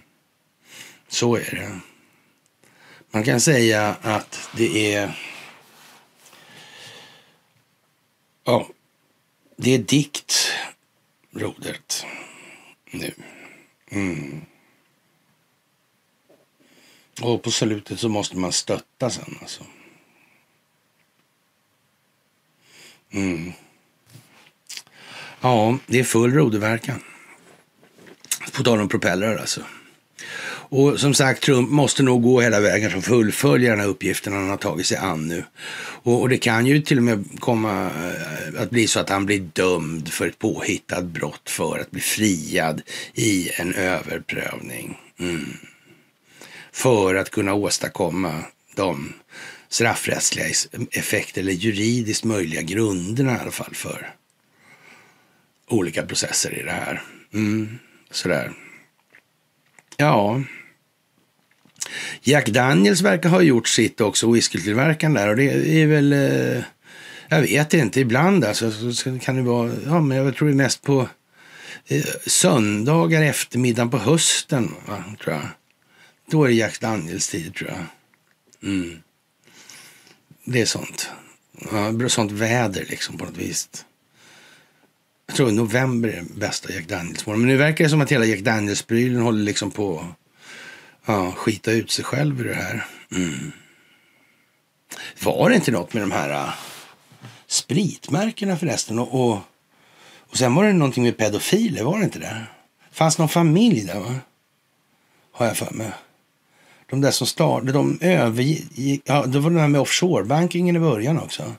Så var det väl också. Ja, och HSBC också var de blandade i tror jag. De där. Mm. Just det. Det är så var det. Just det. Och så där var, det var någon sån där konstig pedofilanknytning där, var det inte det? Men jag tror det var det. Mm. Ja, ja, ja. Men det verkar vara så att eh, Märkligt nog kan man tycka så här. Jag, jag, jag, vet att några av er kommer tycka att det är helt självklart när ni hör det. Men det, det verkar precis som att de här hållhaksprylarna och hållhaksbusinessen alltså. De, de finns i ett ökat antal eller vid en ökad frekvens då. I de här sammanhangen där det handlar om svarta pengar. Det verkar inte precis som man går först springer och lagför folk så. Alltså, nej. Ska man ha folk att pyssla med Ja, illegala saker då. Då kanske är bättre, för då är de ju oftast inte så riktigt lika intresserade av rättssystemet som sådant. Alltså. Då måste man kanske ha några andra så att säga, motivationshygienfaktorer som ja, verkar uppmuntrande på entusiasmen att fullgöra uppgiften. Liksom. Mm. Sådär. Men man kan uttrycka det så faktiskt. Det är, det är sant faktiskt. Ja. Jaha, vi har hört från Trump att Kina kommer invadera Taiwan. Ja, och, och det gör att Kina ser och lyssnar på hur Biden-administrationen agerar och reagerar i sin utrikesagenda alltså. Ja. Kina vill kunna genomföra en intervention på Taiwan utan att USA lägger sig i. Ja. Och just nu har Kina planerat en blockad av Taiwan. Ja. Som sagt, Kina ska kontrollera alla fartyg som går mot Taiwan. Eller ta det är sundet då, ja. Mm. Ja. Och Kina, Taiwan vill inte samarbeta utan säger att alla fartyg, till alla fartyg att dyker upp kinesiska kontrollanter ska de kalla på taiwanesiska kustbevakningen. Och det, det börjar bli lite spänt då kan man säga i det läget. Ja. Och Ryssland meddelar att Ukraina saboterar civila ryska satelliter. Mm. Ja, är det verkligen de då? Jag menar, kanske det, tänk om det är inspelat det här sabotagen då. då. Mm. ja. det där är ju ingenting som bygger upp stämningen och vidare. Det är liksom en riktig party partypooper alltså håller på att sabba andras satelliter på det viset. Det tror jag inte är någon succé alltså. Nej, det tror jag inte. Mm. Ja, men det är som sagt, det är ju i alla fall tur att inget av det här är planerat och koordinerat med andra utvecklingsförlopp och så här, för då, då vet man ju inte vad liksom. Ja. Sådär. Och att det inte finns några här strategiska planeringsdetaljer på något ställe i hela världen sådär. Nej, utom i Sverige då naturligtvis, eller så. Ja, det är ju konstigt alltså. Att ingen har kommit på det. Mm. Ja, som sagt, eh, ja, man får väl, eh, ja. Det här med att arrestera folk och frihetsberöva folk i politiska sammanhang. Det sätter lite sådana halvdassiga prejudikat alltså. Mm. Så överhuvudtaget, jag vet inte om det, om man ser ur det perspektivet då att Gitmuk-prylen med Hillary där alltså. Det blir ju bara dummare efterhand som tiden går. Va? Det blir bara, folk förstår att nej, men så kan man inte göra. Alltså, det blir inget bra. Det blir ingen bra långsiktigt hållbar stämning av det alltså. Nej. Det, det är liksom hela prylen alltså. Ja. Mm. Speciellt som fan med andra ord alltså. Ja. Och eh, konstigt alltså. Eh, en svensk dyker upp här. Alltså en svensk bankir ansvarar för bonusar och ersättningar på Credit Suisse. Eh, något som stod i centrum ja, på bankens tumultartade bolagsstämma och som har fått den schweiziska regeringen att gripa in. Christian Gellerstad är en doldis i Sverige men en tungviktare i den schweiziska bankvärlden. Mm, Annika Pannika var ju där också. Mm. Mm. Ja, vad ska man säga? Det kanske var Pannika då. Jag vet inte. Ja, det där är undligt. Jätteundligt alltså. Sänktes Titanic för svensk egennytta? Ja, det kan man ju verkligen fråga sig i det här alltså. Ja, faktiskt. Ja, det där... Eh, mm. Harlan Wolf, varvet där som gick ihop med mm, ett svenskt bolag där i Sundsvall, ja, Ibeck. Mm. Undrar om Ångpanneföreningen var inblandad i det där. Det kan man ju fråga sig faktiskt. Konstigt. Faktiskt. Ja. Mm. Det är... Ja.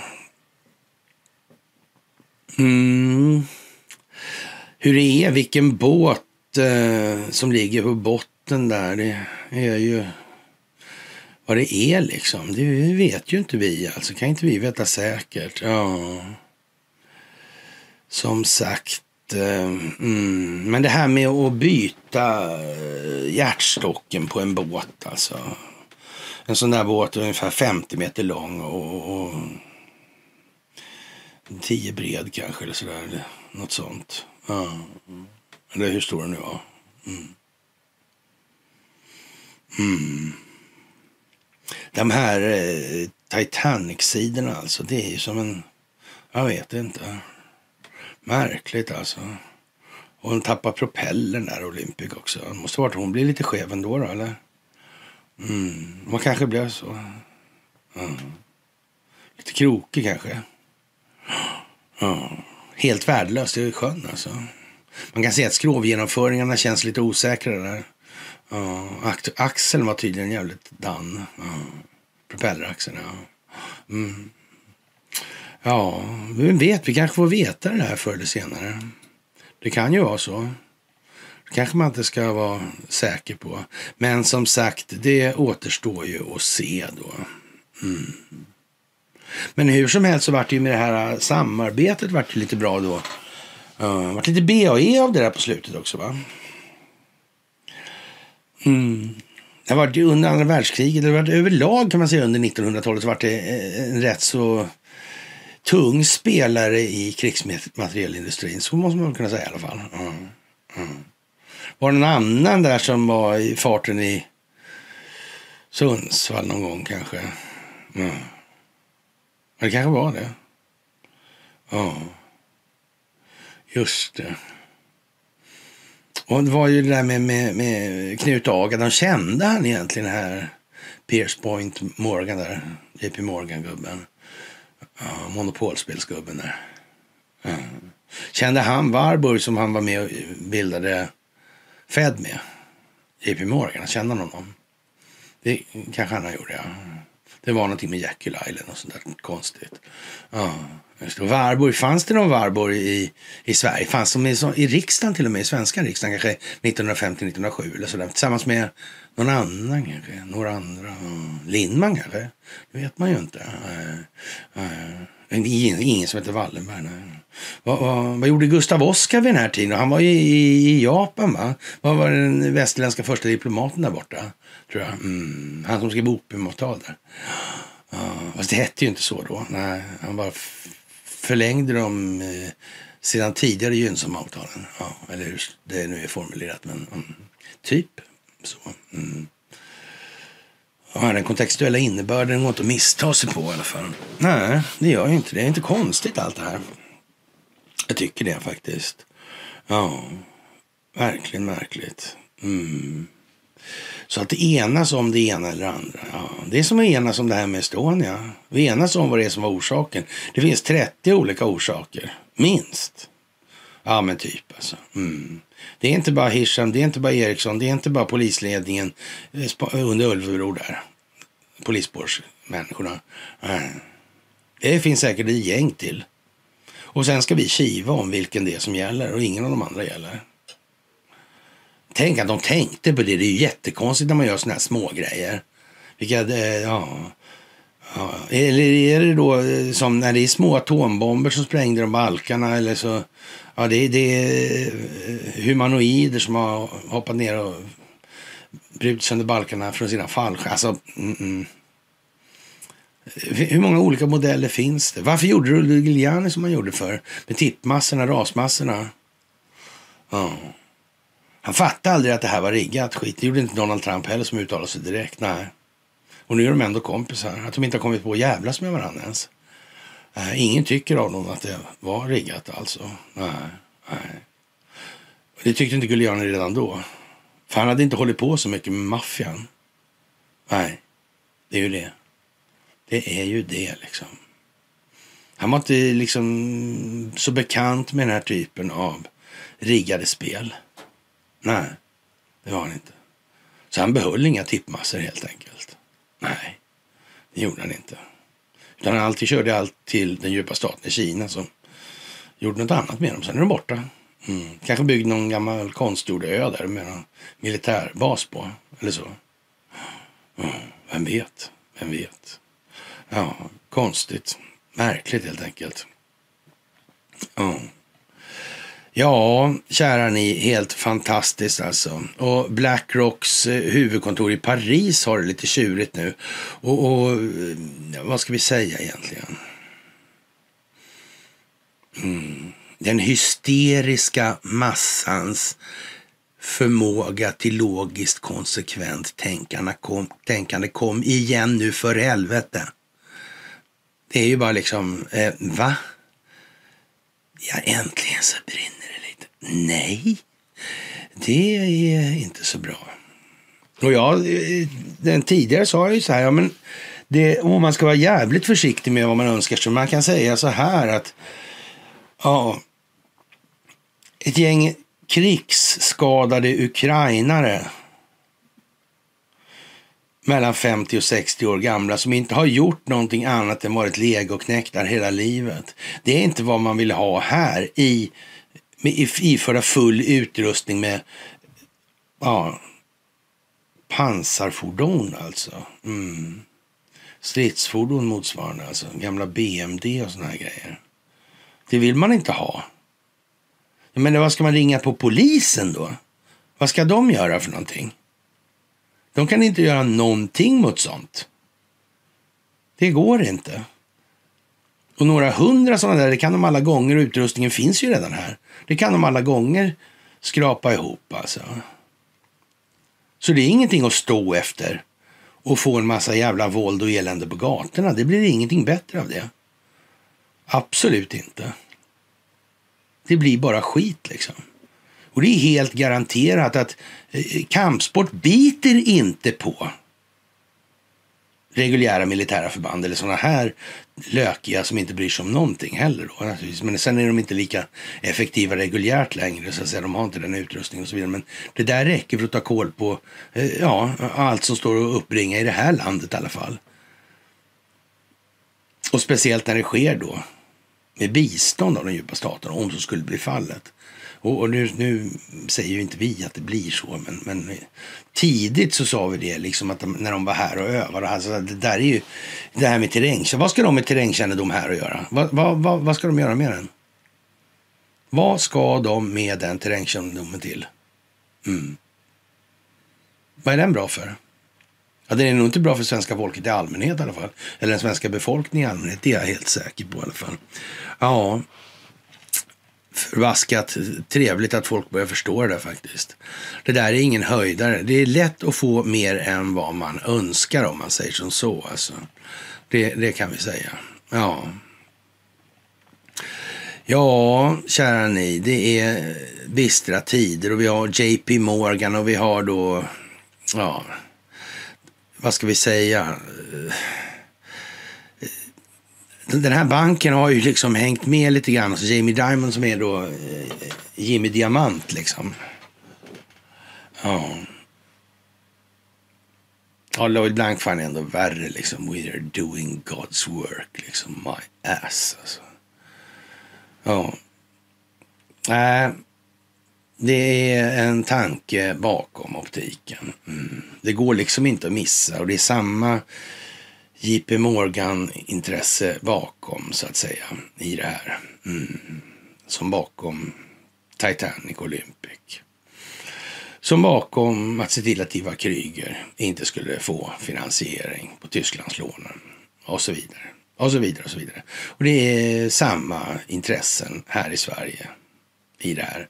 Som sitter ihop via till exempel Varborg och ja, ända bak till då Ja, Knut Agaton Wallenberg och det här. Mm. För då ska man ju veta att äh, enskilda banken bildades alltså när André Oskar blev äh, som löjtnant posterad i Nordens Calcutta. Ja. Ja. ja, det är fantastiskt. Det är fantastiskt alltså. Ja, och vilka är det som begår brott mot mänskligheten i de här sammanhangen? Ja, det är ju alltid Muammar Gaddafi, det är alltid sådana människor. Det är Lukasjenko, det är Vladimir Putin och det är Xi Jinping och så vidare. De här. Mm. Hur är det egentligen? Vilka gör... Va? Ja, den svenska rollen alltså. Den här självbildsrevisionen vi har tjatat så in i helvete länge om alltså. Upptäckten av välståndets frånvaro. Mm, när man tillber den falska solidaritetens altare. Oh. Det är vad det är alltså. Och det gick aldrig att få till det på något annat vis i det här. Nej. Och när saudierna och iranierna har sina utrikesministrar på eh, kontraktssignering eller motsvarande överenskommelsesigneringar då, då och eh, man då memory of understanding gällande då diplomatiska förbindelser, då borde, kan man ju tycka att då kanske en och annan ja, mm, islamtroende, eh, ja, Ja, men då är väl halva prylen, för halva prylen har ju varit då krig, kriget inom islam då. Ja, nu är den borta då. Ja, vadå, ska, vi, ska de ge sig ut på korståg då, när de, nu när de är sams? Då ska de ge sig ut och islamisera hela världen. Men jag verkar, ursäkta mig, men jag tycker inte varken då Iranien eller, eller MBS eller någon annan verkar liksom hågad riktigt åt det hållet. Men jag kan ha fel alltså. Det, det kan ju vara så, det, det, ska jag inte sticka under stol med alltså. Ja, det här med kungar är ju, är ju fint alltså. Mm, det är fint värre alltså. Ja, och Kiev har blivit järvare och hotar att erövra Kim, Krim med hjälp av NATO. Jag vet inte. Är det någon som tar det där på allvar? I den meningen? Jag tror inte det. Faktiskt, de flesta liksom, nej men nu vet jag inte. Ja. Som sagt, vi, vi får väl hoppas att det så att säga inte går överstyr alltså allt för mycket här nu. Och det är klart, det är många människor som måste släppa sina sugar helt enkelt. Ja. Och polisen överklagade dom om koranbränningar. Det är lite roligt ändå alltså.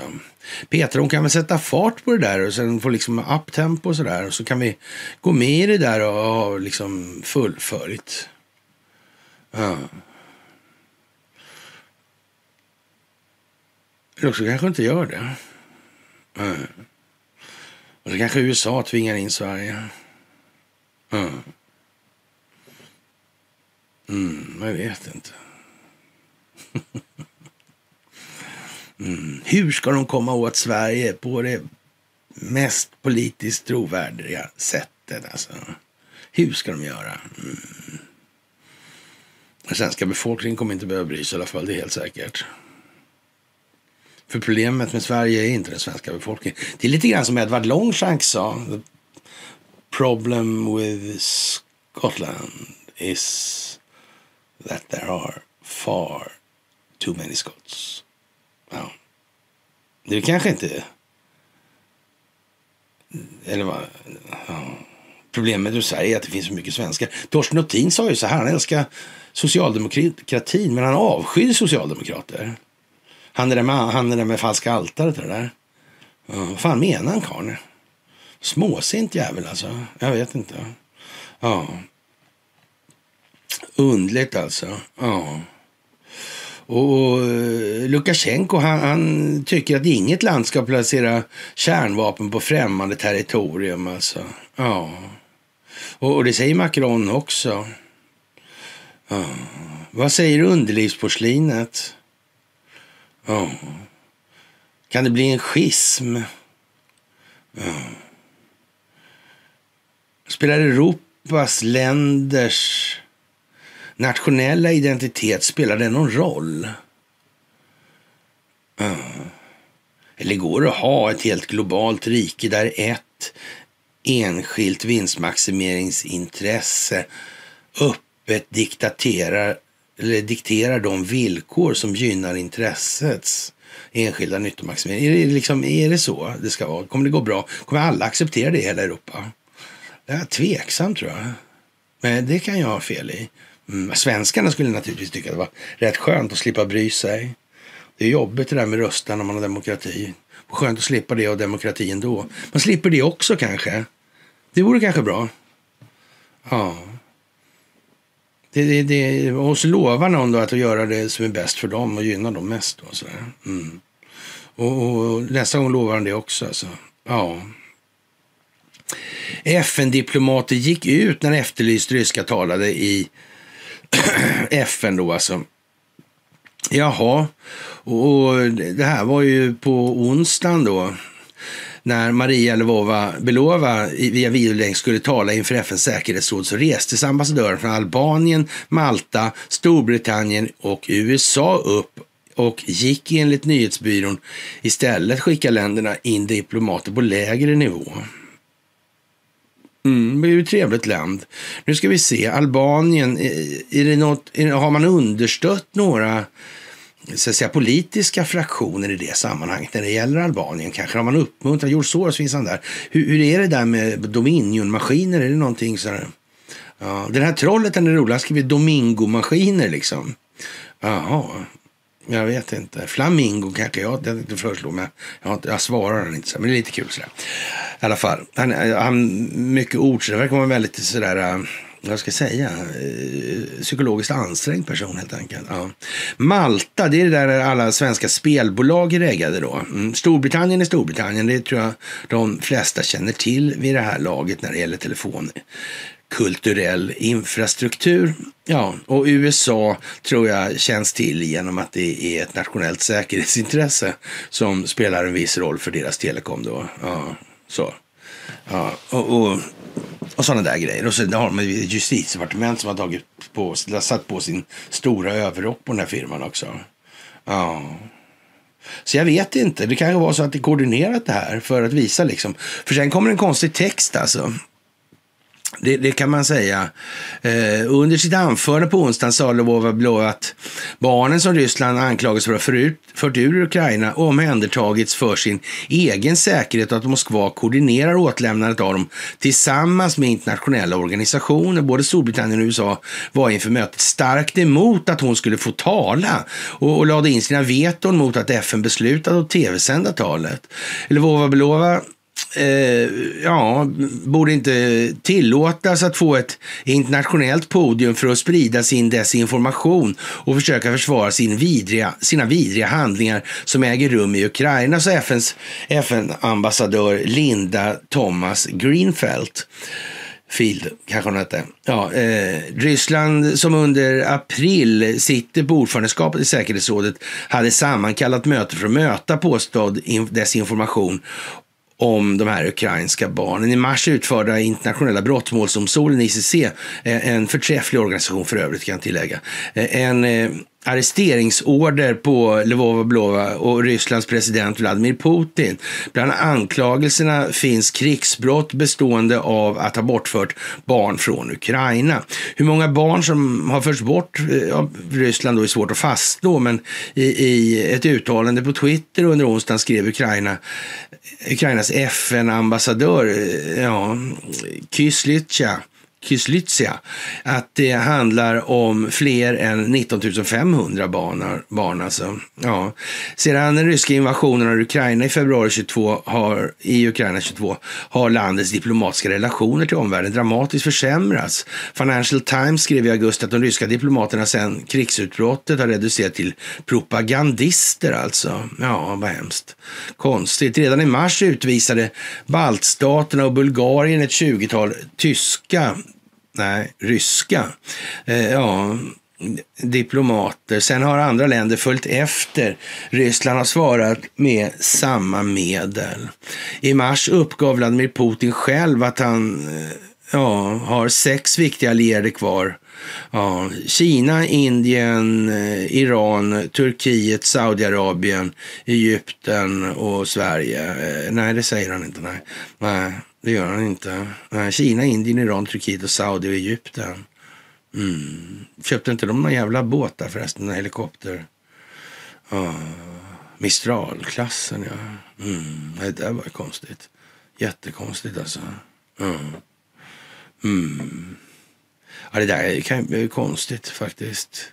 Turkiet, det här. Mm. Medan Vladimir Putin eh, inte lämnar Kreml gärna numera har hans utrikesminister Lavrov alltmer riktat inblicken mot den afrikanska kontinenten. I somras besökte han Uganda, Demokratiska republiken Kongo, Egypten och Etiopien. Målet på sikt är att öka det ryska politiska och ekonomiska inflytandet. Ja. Eller kanske minska den djupa statens inflytande. Det vet man ju inte. Det skulle kunna vara så, eller hur? Det kan ju vara den grejen också. Liksom det. Men, och, och, det är ju å andra sidan, det kan man ju uttrycka som i relativa termer, att man ökar det ryska inflytandet om man istället minskar den djupa statens inflytande. Så kan man ju säga om man vill. Mm. Ja, det där är ju väldigt konstigt alltså. Ja. Vi tror inte på vad fiender säger, sa Ugandas president Johan Museveni i samband med Lavros besök. I januari tog han till charmoffensiven till Angola och Sydafrika som valt att inte ta ställning i kriget. Ryssland har militär personal på plats i landet som beskrivs verka som instruktörer. Ja. Hur var det med det där? Hade Sverige sånt också? På sådana platser? Har de haft det? Men då är de inte det. Då är de inte gangsters och, och dumhuvuden. Nej, det är de inte. Utan det är rekorderligt folk helt enkelt. Inte giriga jävla skitsvennar alltså. Nej. Malis regering har dessutom hyrt in Wagnersoldater för att bekämpa islamiska rebellgrupper. Mali är svårt sargat av ett långvarigt inbördeskrig de senaste åren. Ja. Men det har inte, har, Sverige har inte varit där under evärdliga tider, eller på att säga. Nej, nej, det kanske är så. Ja. I februari var det Malis tur. Ja. De senare åren har, har väst minskat sin närvaro i krigshärjade landet, vilket är gett Ryssland ökat svängrum, förutom att ha militär personal som beskrivs verka som instruktörer. Alltså. Det är, inte, är inte det här jävligt konstigt? Alltså? Är inte det ett av de mest naturresursrika länderna? Ja, det är de fattigaste dessutom. Vem har tagit resurserna då? då? Var är de någonstans? Jaha, det är Ryssland som har tagit resurserna. Så måste det vara. Så måste det vara. De har nämligen inga naturresurser själva. Så de ska stjäla dem från Afrika. Det är själva the game plan liksom. Eller? Ja, det kanske är oklart det här för någon, men jag vet inte ändå. Det känns som att, eh, ja, långvarigt inbördeskrig alltså. Ja. Ja, Senare i april ska Lavrov leda ett möte i FNs säkerhetsråd. Ordförandeskapet för FNs säkerhetsråd roterar varje månad mellan de 15 medlemsstaterna. Som ordförande har Ryssland ett obetydligt inflytande över områdets beslut, eller rådets beslut, men kommer däremot att ansvara för att sätta agendan. Ukraina reagerar kraftigt på det kommande ryska ordförandeskapet. Och, och det här är helt perfekt alltså. Det här måste alla kunna Ja, man kan ju vända på det. Vi tar så här och säger så här, vi skiter i att säga Ryssland, vi säger Sverige, vi säger djupa staten. Den djupa staten utkämpar ett kolonialt krig och dess ledare är en krigsförbrytare, är krigsförbrytare som efterlyses, borde efterlysas av ICC för att ha kidnappat barn. Världen kan inte vara en säker plats med den djupa staten närvarande vid eh, UNC, alltså säkerhetsrådet, ja, skriver Ukrainas utrikesminister eh, Dmytro Kuleba Kuleba på Twitter. Ja, men det är bara att byta ut det där lite grann. Vilka är det som gör så här? Då alltså. Varför projicerar man ut det här för? Vill man dölja någonting? Måste man skapa en optik? Måste man få människor mer medvetna i ljuset av verkligheten om vad det är som sker runt omkring oss? Jag tror det här börjar bli lite tydligt. Jag tror de flesta fattar galoppen nu. Ja, det är nog så alltså. Mm. Och tyvärr så sitter vi med den här, eh, liksom, eh, inte hemskon kanske, men, men eh, stenen i skon i alla fall definitivt. Definitivt en sten i skon. Ja, alternativrörelsen, ja, det, det är en riktig... De vill inte fatta det här alltså. Det här är inget, det berör inte dem, det har inte med dem att göra. De har sitt liksom. Ja, ja men då så. Då vet vi ju det alltså. Och så lägger man då för säkerhets eh, skull till här då, då i, i, det här i, som går i Svenska Dagbladet idag alltså. Och, och ja. Sedan krigsutbrottet har man upprepade gånger förgäves krävt att Ryssland, att Ryssland ska uteslutas från säkerhetsrådet där landet har en permanent plats. Den senaste gången eh, Ryssland förde befäl över rådet var i februari 22. Samtidigt som Kreml beordrade sina soldater till Ukraina. Mm. Ja, det, liksom, de flaggar lite för att det här skulle kunna bli lite sådär eh, händelserikt alltså. Ja. Jag vet inte, men det, det, men det känns som att det skulle kunna vara det i alla fall. Och ja, lite sådär, kärnan i dominans, det är inte våld, ja, vilket ändå distribueras när det inte finns något annat sätt att upprätthålla dominans. Alltså. Utan skapande och och eh, internalisering av specifik uppsättning av föreställningar om hur världen fungerar. Dessa föreställningar innehåller en uppsättning känsloskapande värderingar och myter som styr vårt beteende och hur vi upplever vår omvärld omkring oss. Alltså allt som det är strukturer som dominerar vårt samhälle och ekonomi. Den centrala statliga kumpankapitalistkartellen, centralbanken, likvidisering, banksektorn, militärindustriella komplexet och så vidare som drar nytta av eh, imperiestrukturen och naturligt utan den är en perfekt och nödvändig ordning för vårt eget bästa. Ja, vi har ju aldrig haft något annat än det här skiten alltså. Ja. Vi kan inte avgränsa den här övertygelsen och skapa som skapar sin dominans med en uppsättning enkla om. Då uttalanden om vi tror på vad de vill att vi ska tro på, ja då har de vunnit. Och, och om vi har förlorat om deras fortsatta dominans garanteras utan våld och övertalning.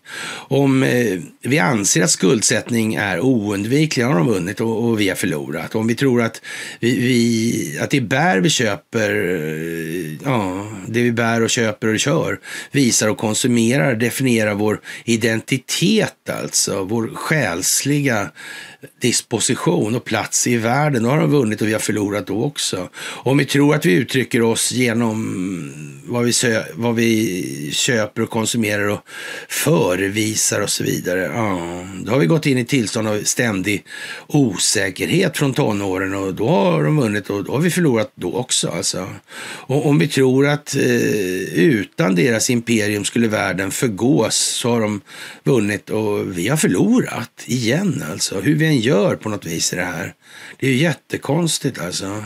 Ja, om nyheter gör oss rädda, oroliga, frustrerade och arga, då har de vunnit och, och vi har förlorat. Och om vi tror att, eh, att vara ansluten till att konsumera deras medier eh, under varje vaken timme, inte bara nödvändigt utan också önskvärt, som en display av känslomässig svalka och status, så har de vunnit och vi har förlorat. Och om eh, vi tror att snabbmat och förpackade livsmedel är bra, billiga, välsmakande och bekväma, ja, då har de vunnit och vi har förlorat. Och om vi tror att eh, vi skulle gå under utan en betalning från de styrande så har de vunnit och vi har förlorat. Och om vi anser att frågor som arbetslöshet och bruttonationalprodukt, BNP, är meningsfulla på, som mått på tillståndet i samhället, ja, då har de vunnit och vi har förlorat.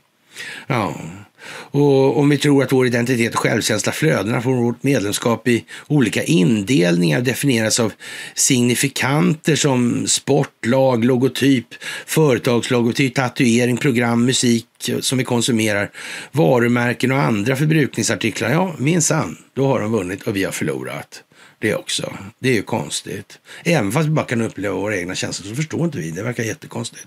Ja, om vi tror att samhället idag är perfektionen av allt som är bra och om samhället snarare undertrycker allt som egentligen är bra i samhället, ja, då har de vunnit och vi har förlorat. Mm. Om vi tror att inlärning, individuellt, egenfritt tänkande och intellektuell prestation ska hånas som elitistiskt, ja, då har de vunnit och vi har förlorat. Det är inte coolt att vara dum, det är värdelöst, helt enkelt. Om vi anser att eh, hälsoresultat är beroende av att konsumera nävar av piller. Och då har de vunnit och vi har förlorat alltså. Mm.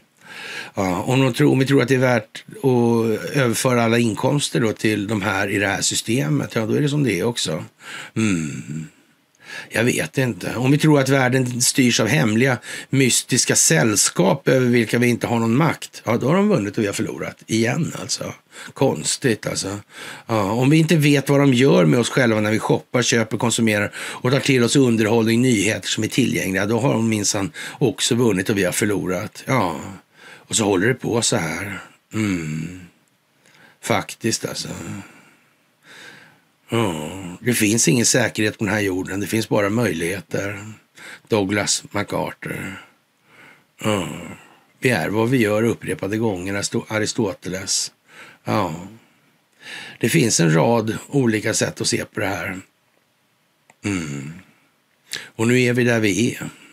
Och nu är det långfredag. Och nu är det dags att tillönska er en riktigt, riktigt glad påsk alltså. Mm, det är fantastiskt, det måste jag säga. Mm. Tänk vad lustigt. Ja. Kina, Ryssland, Turkiet, mm. Egypten. Vad märkligt. Ja. Men jag tror väl ändå att Ryssland har lite att göra med Libyen. Ja, eller har jag fel där? Mm. Men det kanske måste hållas öppet än så länge. Vem vet vad som kommer längs den vägen? Vem vet alltså? Mm. Ja. Kina uppmanar USA och NATO att erkänna sin skuld i att organisera den ukrainska konflikten. Ja, kan man ju säga. Säger det någonting när de gör så? Det kanske inte gör det. Det är vi helt enkelt som är... Ja. Och ingen kommer få luftherravälde i Ukraina. Nej. Det har någon redan alltså. Det är ingen som kommer få det. Mm. Det är för bedrövligt komiskt alltså. Hela grejen just nu. Ja. Det här med krigets vanliga naturlagar helt plötsligt upphör att gälla alltså. Ja. Ja, jag vet inte. Pilbågar kanske man kan ha nu. Det kan vara bra. Jag tror det är effektivt alltså. Ja. Jag tror det löser det här alltså. Lite pilbågar. Det tror jag går bra. Jag har hört att Martin tycker om att skjuta pilbågar. Ja. Sådär. Otroligt bra hur som helst. Mm. Otroligt skönt att ha långfredag. Mm. Att ha påsk. Att ha lite tid för eftertanke. Ja.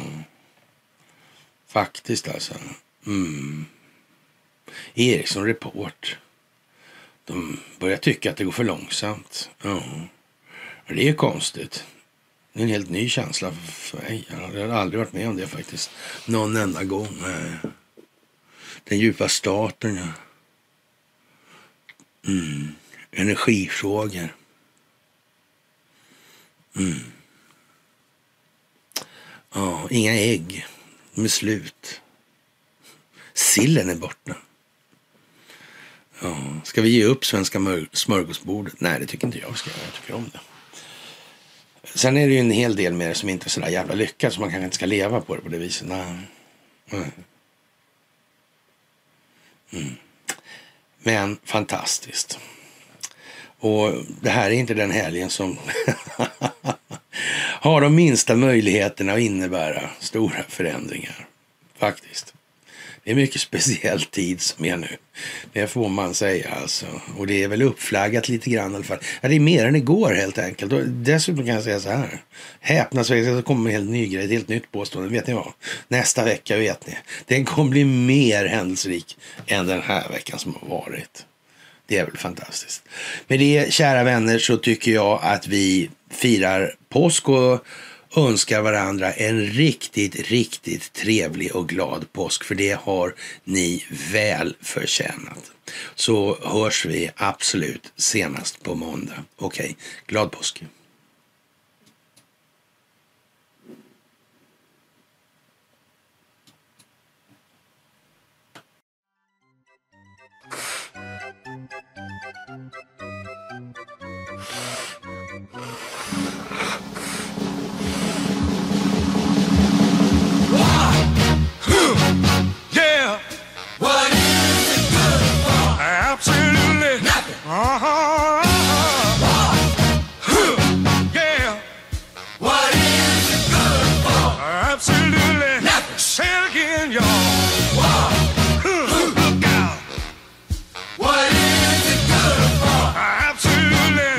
To me.